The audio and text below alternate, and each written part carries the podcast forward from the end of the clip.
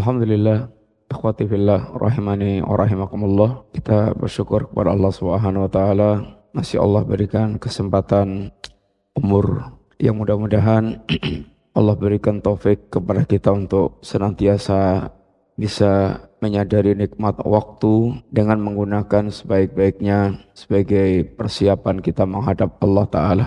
Karena sungguhnya kehidupan kita adalah perjalanan menuju Allah dan pasti akan ada batas waktunya kita kembali kepada Allah Ta'ala. Ketika Pobel bin Iyad bertemu dengan seorang bapak-bapak, beliau tanya, Kam umruk, Pak, berapa umur Bapak? Situn 60. Kata Fudel, Idan, mundu sittina sana tasiru ilallah tushiku antasilah. Berarti Bapak ini sudah semenjak 60 tahun yang lalu terus berjalan menuju Allah dan boleh jadi sudah hampir dekat waktunya nyampe tujuan. Kata si Bapak, Inna lillahi wa inna ilaihi raji'un. Kata Fudail, ta'rif tafsiraha. Bapak tahu nggak apa tafsirnya kalimat Inna lillahi wa inna ilaihi raji'un. Ya kami milik Allah dan akan kembali kepada Allah. Kata Udail, Pak, kalau Bapak tahu Bapak milik Allah dan pasti kembali kepada Allah, pasti nanti akan ditanya oleh Allah. Dan kalau Bapak tahu nanti akan ditanya oleh Allah, apa yang sudah Anda persiapkan untuk menjawab pertanyaan-pertanyaan Allah. Kata si Bapak, wa. Terus gimana? Yasirah, gampang Pak tuhsin ma baqiya ghafarallahu ma baqiya wa ma madha. Kalau Bapak berbuat baik di sisa umur ini, silahkan Bapak berbuat baik di sisa umur ini, Allah akan ampunkan ma madha wa ma baqiya. Allah akan ampunkan apa yang lalu dan apa yang tersisa dari umur ini. Wa illa ukhitta ma madha wa ma baqiya. Tapi kalau enggak, niscaya Bapak akan diadab, disiksa oleh Allah dosa masa lalu dan yang tersisa dari umur ini. Sehingga hakikat kehidupan kita adalah perjalanan menghadap Allah Subhanahu wa taala, apa yang telah kita persiapkan untuk menghadap Allah taala. Ikhwatillah, target yang Allah inginkan dari tarbiyah Ramadan adalah la'allakum tattaqun agar kita semuanya menjadi hamba-hamba Allah yang bertakwa Ketika Allah menggambarkan tentang sosok pribadi seorang yang bertakwa kepada Allah Ta'ala, di antaranya Allah gambarkan dengan ungkapan Alam tara kaifa daraballahu mathalan kalimatan thayyibatan kasyajaratin thayyibah asluha thabitun wa far'uha sama tu'ti ukulaha kullahinin bi'idni rabbiha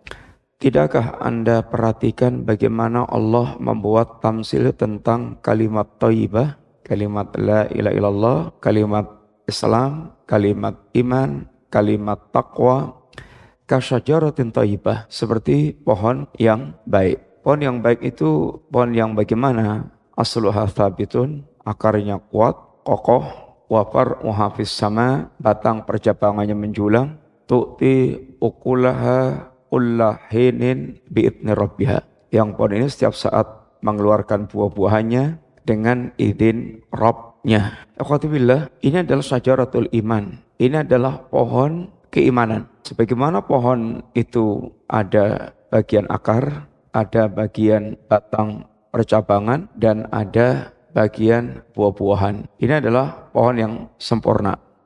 Dan ini adalah tamsil yang Allah berikan kepada kaum mukminin tamsil seorang mukmin yang bertakwa kepada Allah taala sosok yang mencerminkan seperti pohon tersebut.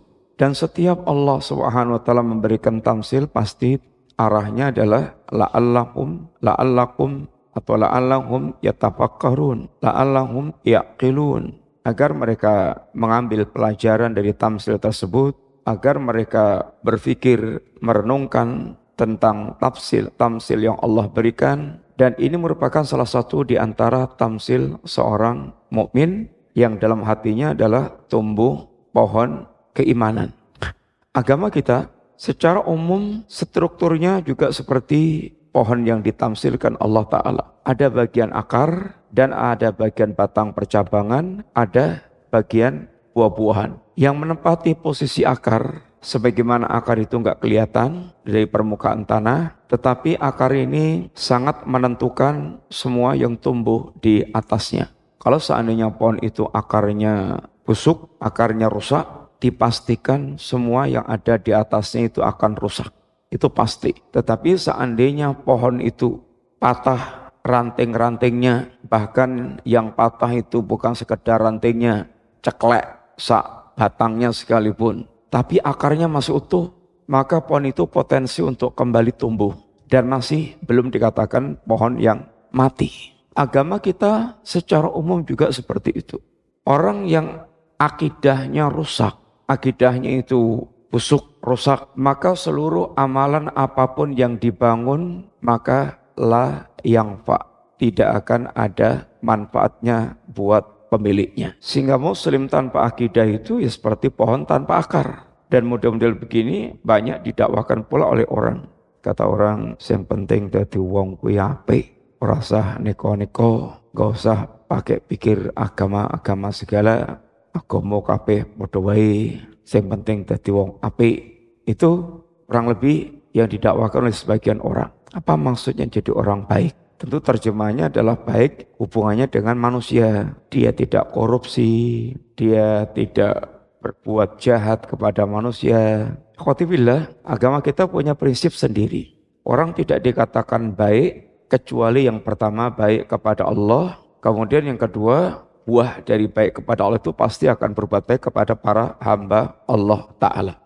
Kalau kita baik dengan Allah, lalu ada kekurangan-kekurangan dalam bermuamalah kepada manusia, kekurangan itu akan bisa ketutup. Tetapi kalau kita hanya baik kepada para makhluk, tapi kita tidak baik kepada Allah, maka kebaikan kita kepada makhluk lah yang pak tidak akan ada gunanya sama sekali.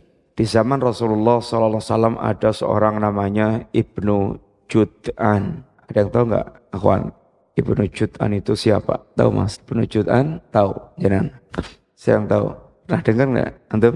Ya Ibnu Jud'an itu seorang yang terkenal blobok, nyah nyoh sama tamu itu nyah nyoh.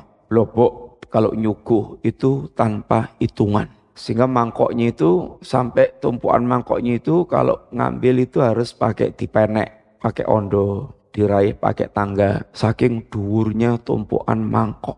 Tapi kata Nabi, Ibnu Jud'an sama sekali tidak masuk surga.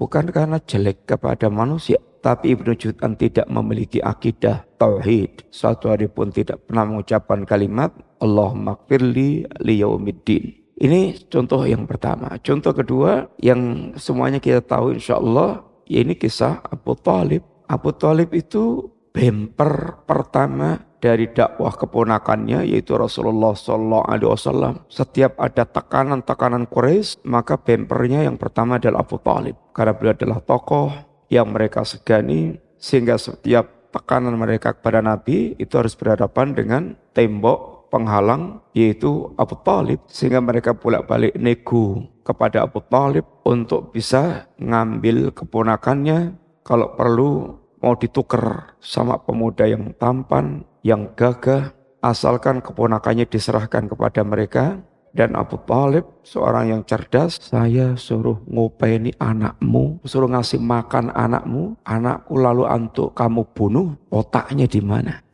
Abu Talib menjadi bemper pertama yaitu dari dakwah keponakannya. Tapi karena Abu Talib sampai detik-detik terakhir kehidupannya tidak mengucapkan kalimat la ilaha illallah maka Abu Talib khalidan finnar walaupun di neraka yang paling ringan. Tapi seringan-ringan adab jahanam, kedua telapak kakinya kesulut api jahanam, utaknya dalam keadaan umap itu mendidih. Akidah itu pertama dan ini yang menjadi taruhan harta jiwa dan hartanya seorang mukmin perjuangan Nabi dakwah dari awal sampai akhir itu bukan target kekuasaan, bukan target harta, bukan target duniawi secara umum, bahkan mereka tawarkan kepada Rasulullah sallallahu alaihi wasallam Ya Muhammad, kalau kamu cari dengan dakwahmu itu kekuasaan, kami akan aklamasi menjadikan engkau sebagai pemimpin dan kami akan taat. Kalau yang engkau cari itu adalah harta, akan kami kumpulkan harta Quraisy agar kamu menjadi orang paling kaya di antara kami. Kalau yang kamu cari itu perempuan, aku akan pilihkan perempuan yang paling ku cintai. Apa di antara jawaban Rasulullah SAW? Kalimat yang sangat terkenal sebagai gambaran tentang kokohnya pendirian Nabi dan cerminan seorang yang mereka memiliki akidah dan keyakinan lau wada'u samsa fi yamini wal qamaru fi shimali ala an atruka hadal amra la atruku. Seandainya mereka bisa meletakkan matahari di tangan kananku dan bulan di tangan kiriku dalam rangka supaya aku untuk meninggalkan dakwah tauhid ini tidak akan aku tinggalkan sampai Allah memenangkan urusan dakwahku atau Allah menghancur binasakan ini urusanku. Ini adalah orang yang seperti memiliki akar yang kokoh, prinsip yang kuat sehingga akidah ini akan menjadikan betul seorang memiliki prinsip dalam kehidupan mereka sesuatu yang tidak gampang digoyang sana sini dan keteguhan seperti kokohnya karang di lautan atau seperti gunung dengan akar yang sangat kuat susah untuk dijebol. Maka lihat bagaimana dampaknya kehidupan orang-orang yang mereka memiliki akidah baik dari sisi ketaatan mereka kepada Allah Subhanahu wa taala baik dari sisi mereka meninggalkan larangan Allah baik dari sisi mereka menghadapi ujian-ujian kehidupan. Antum melihat bagaimana para sahabat Nabi radhiyallahu alim jami'an berhadapan dengan ujian-ujian besar ketika mereka menerima tawaran iman dari Nabi. Antum kenal namanya Bilal bin Rabah Amar bin Yasir Habab ibn al-Arab dan para sahabat-sahabat yang semisal mereka khususnya para duafa dari kalangan kaum muslimin. Di awal-awal dakwah Nabi menyampaikan kalimat tauhid. Maka bagaimana mereka disiksa, diseret, dipukul, dipanasi dengan besi sampai melepuh-melepuh kulit mereka. Tapi sama sekali mereka tidak bergeming dari agama mereka. Sebagaimana Nabi ceritakan kepada Khobab, ya Khobab, dulu ada seorang yang mereka jasadnya ditanam di tanah, kemudian di atas kepalanya itu ditaruh gergaji, kemudian mulai digorok kepalanya pelan-pelan, krok, krok, krok, sampai terbelah menjadi dua, dan dia tidak bergeser dari agama. Di antara mereka ada yang disisir tubuhnya dengan sisir besi, sehingga digaruk-garuk sampai terpisah antara daging dan tulang belulangnya dan itu juga tidak menjadikan mereka bergeser dari agamanya. Sehingga di tangan Nabi, tarbiyah di tangan Nabi, bagaimana para sahabat telah lahir menjadi generasi yang super kokoh dalam memiliki prinsip-prinsip kehidupan. Demikian juga kisah hijrahnya para sahabat Nabi. Bagaimana mereka pertaruhkan nyawa dan harta mereka mereka menempuh jarak hijrah antara Makkah dan Madinah. Berapa ya kawan jaraknya Makkah Madinah? Berapa? Kurang lebihnya. Makkah Madinah. 400 kilo atau lebih 450-an kilo jarak antara Makkah Madinah. Dan itu ya ditempuh dengan kalau nggak jalan kaki, ya naik unta kalau ada. Itu kendaraan keumuman saat itu. Dengan bayang-bayang mereka akan dihabisi Quraisy ketika orang-orang Quraisy tahu dan mereka dengan hijrahnya itu meninggalkan semua yang memang tidak bisa dibawa dan tidak bisa diajak. Rumah, tanah, aset-aset perdagangan. Antum tahu nggak harga satu meter rumah di sekitar atau tanah di sekitar Ka'bah sekarang kurusnya berapa? Berapa? Harga tanah satu meter di sekitar Ka'bah. Berapa? Ada satu juta nggak? 700, 100 juta.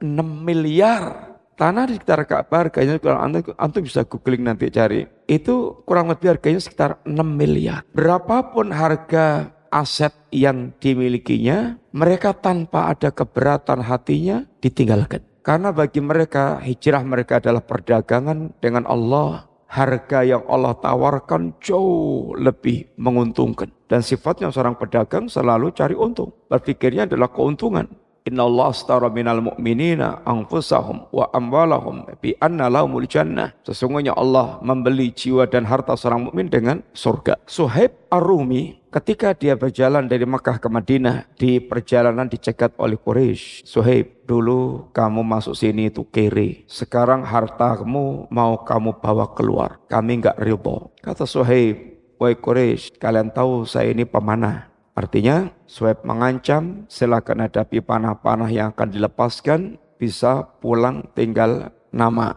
Tapi kata Suhaib, tapi kalau kalian mau, seluruh hartaku akan aku lepas untuk kalian. Bahkan aku tunjukkan di mana simpanan hartaku, ambil itu semuanya. Dalam rangka Suhaib untuk bisa melinggang dilepas bebas ke Madinah. Dia lepaskan semua aset yang dia miliki bertahun-tahun aset itu dikumpulkan dan dilepas begitu saja dalam rangka untuk membeli hijrah.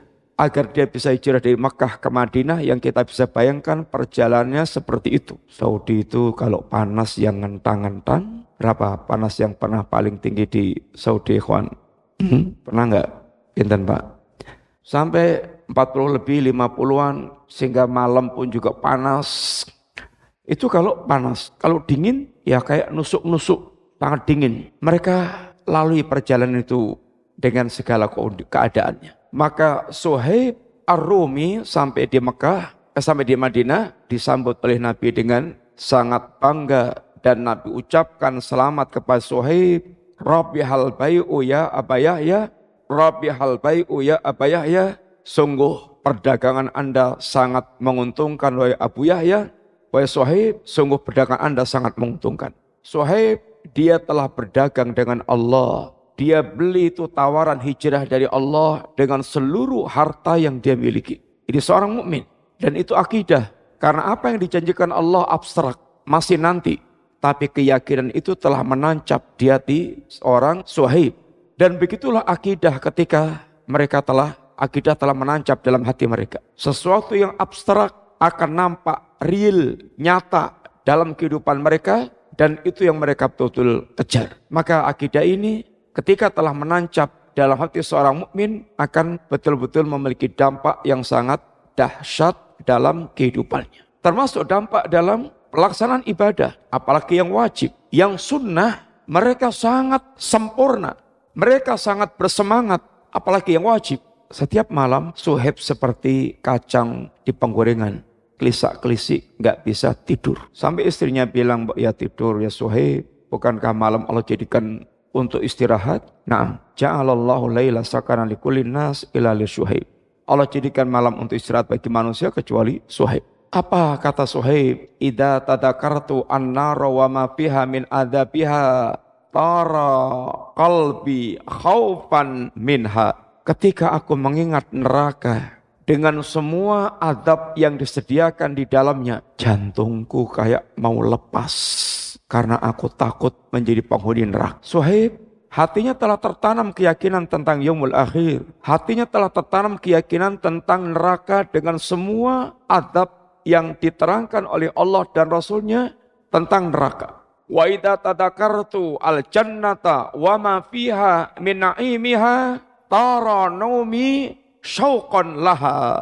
Sebaliknya ketika aku ingat surga dengan semua kenikmatan yang ada di dalamnya, maka tidurku langsung lenyap, ngantukku langsung lenyap karena aku rindu untuk menjadi penghuni jannah. Ini akidah. Sesuatu ketika telah menancap dalam hati mereka, maka menjadi sangat dahsyat. Abu Talha ketika membaca ayat lan tanalul birra hatta tunfiku mimma tuhibbun. Anda tidak akan sampai pada hakikat iman. Hakikat kebaikan itu hakikat iman. Sampai Anda menginfakkan sebagian harta yang kalian cintai. Menginfakkan sebagian harta yang Anda cintai. Mengeluarkan harta yang tidak kita cintai hal yang biasa walaupun itu pun tidak biasa pula di kalangan manusia. Tapi mengeluarkan harta yang dia cintai ini spesial. Maka dikatakan as-sadaqatu burhanun. Sadaqah itu tanda bukti iman dia. Burhanun ala sidqi imani. Tanda bukti atas keimanan dia. Karena harta sesuatu yang kata Allah manusia itu hubban jamman. sangat mencintai harta. Secara umum manusia sangat lengket dengan harta yang dimiliki. Rata-rata manusia kalau sudah berkaitan dengan harta, bakhil illa man rahima rabbuh. Kecuali yang dirahmati Allah Ta'ala.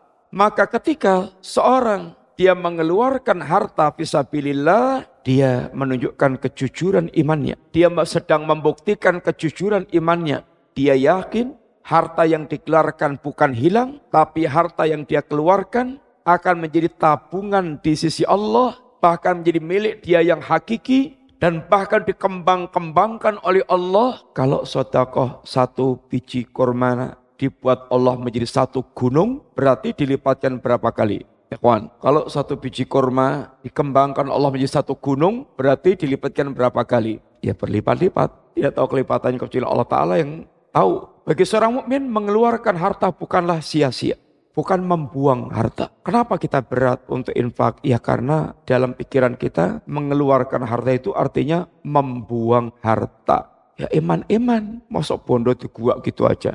Apalagi rekoso, ngumpulkannya itu, ngelusinya itu selembar di selembar rupiah demi rupiah itu panjang waktunya. Tapi ketika seorang dia mengeluarkan harta itu artinya invest harta dia akan utuh dan bahkan dikembangkan itu pasti akan ringan. Para sahabat Nabi, begitu cara mereka berpikir. Kalau ada orang nawari antum, mau nggak invest satu juta? Nanti setiap bulan itu akan mendapatkan pendapatan 20 juta aja. Seperti 100 juta mendapatkan pendapatan 20 juta. Berarti berapa ya? Persen, berapa persen? 100 juta tiap bulan dapat 20 juta. 20 persen, 20 persen. Itu pasti antum tawarkan begitu, banyak orang mau invest seandainya betul-betul jujur. Orang berat itu bukan bukan karena itu nggak mau keuntungan 20 jutanya, ragu-ragu. Tapi kalau yakin Anda orang yang dipercaya dan pasti akan memberikan keuntungan segitu, itu pasti akan banyak orang yang mereka sanggup invest. Allah bukan sekedar menawarkan keuntungan 20%. Allah akan lipatkan asroh 10 kali lipat, ila sabai mi'atin sampai 700 kali lipat, ila bin kathiroh sampai lipatan yang tidak terhingga. Kalau 10 kali lipat berarti berapa persen? Kawan, eh? 1000 persen. Kalau 700 kali lipat, oh banyak persen. Apalagi berlipat-lipat tanpa ada batasnya, ini janji Allah yang tidak pernah Allah selisih. Maka para sahabat mengeluarkan harta mereka nggak tanggung-tanggung. Nggak tanggung-tanggung. Karena mereka bagi mereka adalah, ini adalah sama dengan membawa harta mereka mati. Bawalah harta Anda mati artinya jadikan harta Anda milik Anda sendiri. Karena sungguhnya harta yang tidak dikeluarkan visabilillah itu hartanya ahli waris. Hartanya ahli waris. Maka kata Nabi, siapa yang hartanya ahli waris lebih dia cintai dibandingkan siapa hartanya orang lain yang lebih dia sukai dibandingkan harta dia sendiri. Ya enggak adalah Rasulullah. Pasti orang lebih menyukai hartanya sendiri daripada hartanya orang lain. Nabi terangkan, harta yang tidak dia keluarkan bisa pilihlah itu adalah hartanya orang lain. Karena hanya akan ditinggal melangkrak milik ahli waris. Maka lihat para sahabat mereka telah juara dalam hal seperti ini. Ini akidah. Dan ketika mereka kehilangan kesempatan untuk berbuat baik, itu nyesel. Nyesel. Sebagaimana penyesalannya pedagang dunia yang keuntungan di depan mata, kemudian merucut. Merucut. Tahu merucut nggak? Merucut lepas gitu aja. Tinggal ngemplok itu lepas. Itu gelonya itu sangat mendalam. Sangat mendalam. Lain dengan tidak tahu tentang keuntungannya. Tahu tahu keuntungannya tinggal nyaplok, tinggal nyaruk, kok kemudian sampai lepas. Itu gelonya sebetul nandes. Seperti laki-laki sudah dapat perempuan, tinggal pakai, kok lepas. Itu gelonya sampai bisa ngengleng. Tahu ngengleng enggak? Ngengleng tahu? Enggak tahu? Tahu Ustaz? Ngengleng, ngengleng itu apa? Apa Pak? bahasa Indonesia apa ngengleng itu ya kayak orang gila hmm? teler ngengleng bukan teler ngengleng itu pokoknya karena saking cintanya mendalam banget kemudian nggak dapat ngengleng kayak orang edan kayak orang gila kayak orang edan antum pernah baca kisahnya Ibnu Qayyim yang matinya itu mengucapkan kalimat mana arah ke pemandian Punjab. Ada perempuan tanya ke arah pemandian Punjab, oleh laki-laki ini ditunjukkan tapi arahnya ke rumah dia. Begitu sampai di rumah dia, perempuan itu seakan-akan ingin menyenangkan laki-laki ini dengan minta sesuatu untuk dicarikan buah-buahan atau carikan apa yang dia inginkan. Laki-laki keluar mencarikan, rumah nggak dikunci, begitu pulang perempuan sudah hilang itu ngulei nganti ngengleng, nyarinya sampai ngengleng, sampai mati ngenes. Dan kalimat terakhir yang diucapkan itu kalimat itu, kalimat yaitu wanita mana arah ke pemandian. Sehingga itu sampai betul nandes. Ekhotibillah, gelonya seorang mukmin ketika dia kehilangan amal yang memberikan keuntungan, itu betul-betul membuat sedih. Datang seorang miskin kepada Nabi, Ya Rasulullah, carikan untuk kami kendaraan yang bisa mengantarkan ke medan jihad. Nabi carikan. Dan kemudian kata Nabi, La ajitu ma'ahmilukum ali. Aku tidak mendapatkan kendaraan yang bisa mengangkut Anda ke medan jihad. Apa yang terjadi pada orang itu? Tawallau wa a'yunuhum tafildu minat dam'i hasanan Allah ma yajidu. Allah yaitu Allah yajidu ma yungfiku. Mereka pulang dalam keadaan sedih, hazanan, air mata mereka berurai, mereka menangis dalam keadaan sedih, tidak mendapatkan yang bisa membuat mereka mengangkut ke medan jihad. Bagi mereka, bagi mereka surga di depan mata lepas. Karena jihad bayangan mereka akan jalan cepat untuk mengantarkan mereka ke surga. Lepas. Maka bagaimana sedihnya hati mereka berkaitan dengan kehilangan kesempatan melakukan itu. Dan begitulah dengan semua amalan yang mereka miliki berkaitan dengan amal-amal yang memberikan keuntungan di kampung akhirat. Alhamdulillah, maka kenapa dakwah yang pertama kali Nabi lakukan adalah mengenalkan tentang Allah, menjelas mengenalkan tentang kampung akhirat. Karena itu perkara-perkara yang mesti nancep dalam hati mereka sebelum dibebani dengan beban perintah zakat, perintah jihad, perintah haji, larangan riba, larangan homer, seandainya perintah dan larangan itu datang duluan sebelum tertanamnya akidah, kata Aisyah, pasti mereka tidak akan mau. Berat dan pasti mereka akan yaitu meninggalkannya. Tapi ketika akidah itu telah menancap dalam hati mereka, semua perintah dan larangan yang datang, yang rata-rata turun di Madinah itu, mereka sangat menakjubkan, menyambut, apa yang diserukan oleh Allah Subhanahu wa taala.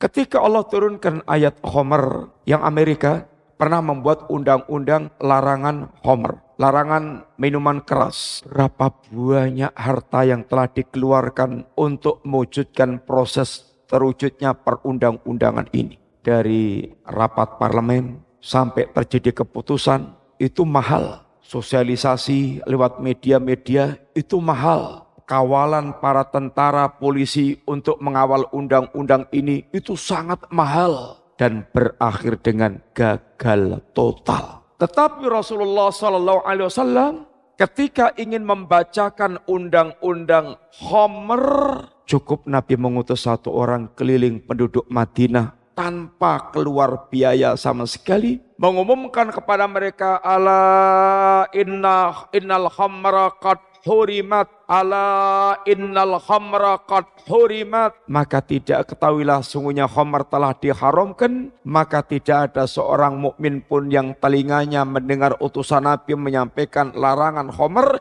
kecuali mereka tinggalkan semua bahkan khamar-khamar yang mereka stok di rumah mereka buang, mereka keluarkan, mereka buang. Bahkan digambarkan gang-gang Madinah kayak banjir khomer. Sehingga ketika Allah katakan fahal antum muntahun. Tidakkah kalian berhenti dari itu semuanya? Intahaina ya Rab, intahaina ya Rab. Kami berhenti ya Rab, kami berhenti ya Rab itu adalah sambutan orang yang mereka memiliki akidah. Akhwatillah, sehingga akidah ini akan menumbuhkan amal. Itulah batang percabangan yang naik kepada Allah Ta'ala. Dan akidah ini akan membuahkan buah-buah yang indah.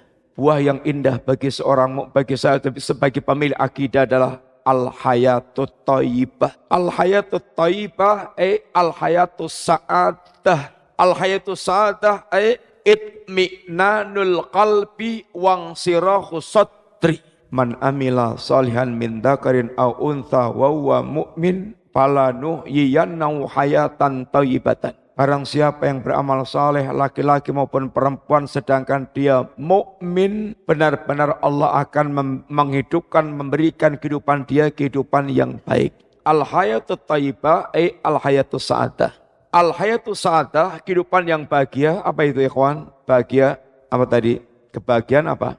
Apa itu kebahagiaan? Al hayatu sa'adah apa itu bahagia? Tadi sudah kita sebutkan apa tadi? Ya kawan, apa kebahagiaan itu? Apa mas? Udah tadi, udah kita sebutkan. Hanya mungkin nanti enggak nyadar aja. Apa kebahagiaan tadi? As-sa'adah itmi'nanul qalbi wang sirahus sadri. Apa ikhwan? Apa? Itmi'nanul qalbi, hati yang tenang. Wang sirahus dada yang lapang. Itu hakikat kebahagiaan. Kebahagiaan itu bukan sekedar senang, bukan sekedar senang. Senang merupakan bagian kebahagiaan. Tetapi kebahagiaan hakiki adalah hatinya tetap tenang dan dadanya bisa berlapang, berlapang dada. Itu bahagia. Ini tidak akan diperoleh secara hakiki kecuali oleh orang yang mereka betul hatinya memiliki keimanan kepada Allah taala. Gimana ceritanya? Orang rumahnya ambruk, jabatannya dipecat, WT hilang, terus untuk bisa tetap hatinya tenang dan lapang gimana caranya? Gimana ya? Dapat musibah beruntun, tapi untuk bisa tetap hatinya tenang dan lapang itu caranya gimana? Gimana? Bersabar. Gimana? Iya bersabar. Lah sabar itu tumbuh dari mana? Sabarnya tumbuh dari apa? Iman. Maka tidak mungkin bisa betul-betul memiliki hakikat kebahagiaan kecuali orang yang mereka itu beriman beriman. Seorang mukmin yang siap-siap yang siap betul memiliki sanggup untuk memiliki kebahagiaan yang hakiki. Orang kalau kena musibah beruntun dan dia tetap bisa memiliki hati yang tenang dan hati, hati yang tenang dan dada yang lapang itu gimana caranya? Yang nggak ada lain kecuali menjadi sok-sok seorang mukmin. Kenapa mukmin itu dia bisa bersabar bahkan berbahagia dengan musibah yang dia miliki? Orang berhadapan dengan musibah itu ada empat, ting ada empat tingkatan. Ada empat tingkatan. Ada yang tahu nggak kira-kira apa itu empat tingkatan itu? Satu, nggak bisa bersabar. Ngamuk, istrinya itu pengen ngamuk, dodone itu panas, sumpek, mengkap-mengkap. Sehingga dia akan melampiaskan dengan perkataan, melampiaskan dengan perbuatan karena ketidaksabarannya. Ketidaksabarannya. Maka termasuk antara gejolak-gejolak kehidupan itu karena tidak sabar. Tidak sabar. Dan para ulama ketika menasihati kepada orang yang mereka nggak bisa bersabar dengan penguasa yang dolim. Di antara perkataan mereka, kalau keberadaan penguasa dolim itu merupakan adab dari Allah Ta'ala, maka yang harus dilakukan oleh orang yang mereka berhadapan dengan adab Allah, apa ya kawan? Yang harus di, da, dilakukan oleh orang yang mereka berhadapan adab Allah apa? Hah?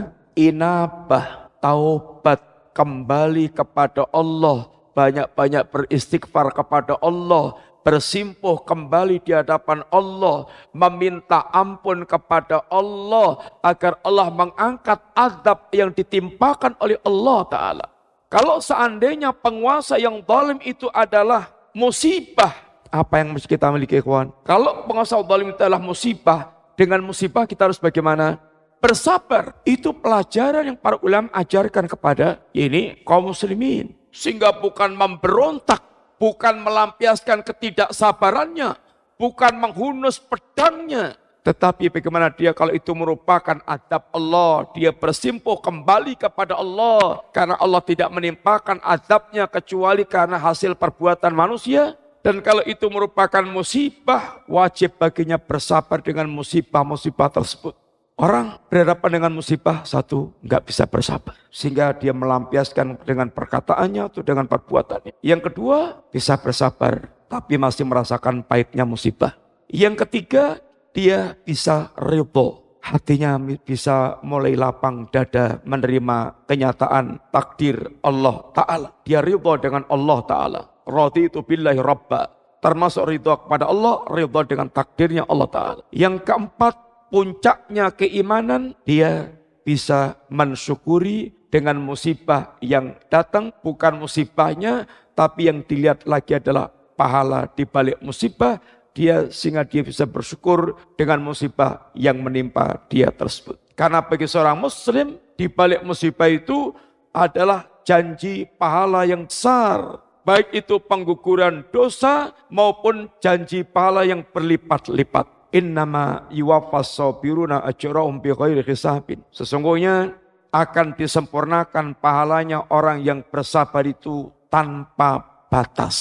Ma yusibul muslima min nasobin wala wasabin wala hammin wala ghammin walal ada wala ini husnin hatta syaukah yusaku biha illa kafarallahu biha min khotoyahu. Tidaklah seorang muslim itu tertimpa satu capek, capek, lelah, letih, tertimpa penyakit ringan, sedang, berat, tertimpa kegundahan, kegalauan, atau gangguan-gangguan manusia, atau kesedihan, bahkan sampai duri yang menusuk dia sekalipun itu akan menjadi penggugur dosa. Antum kehilangan uang 100 juta, sedih nggak?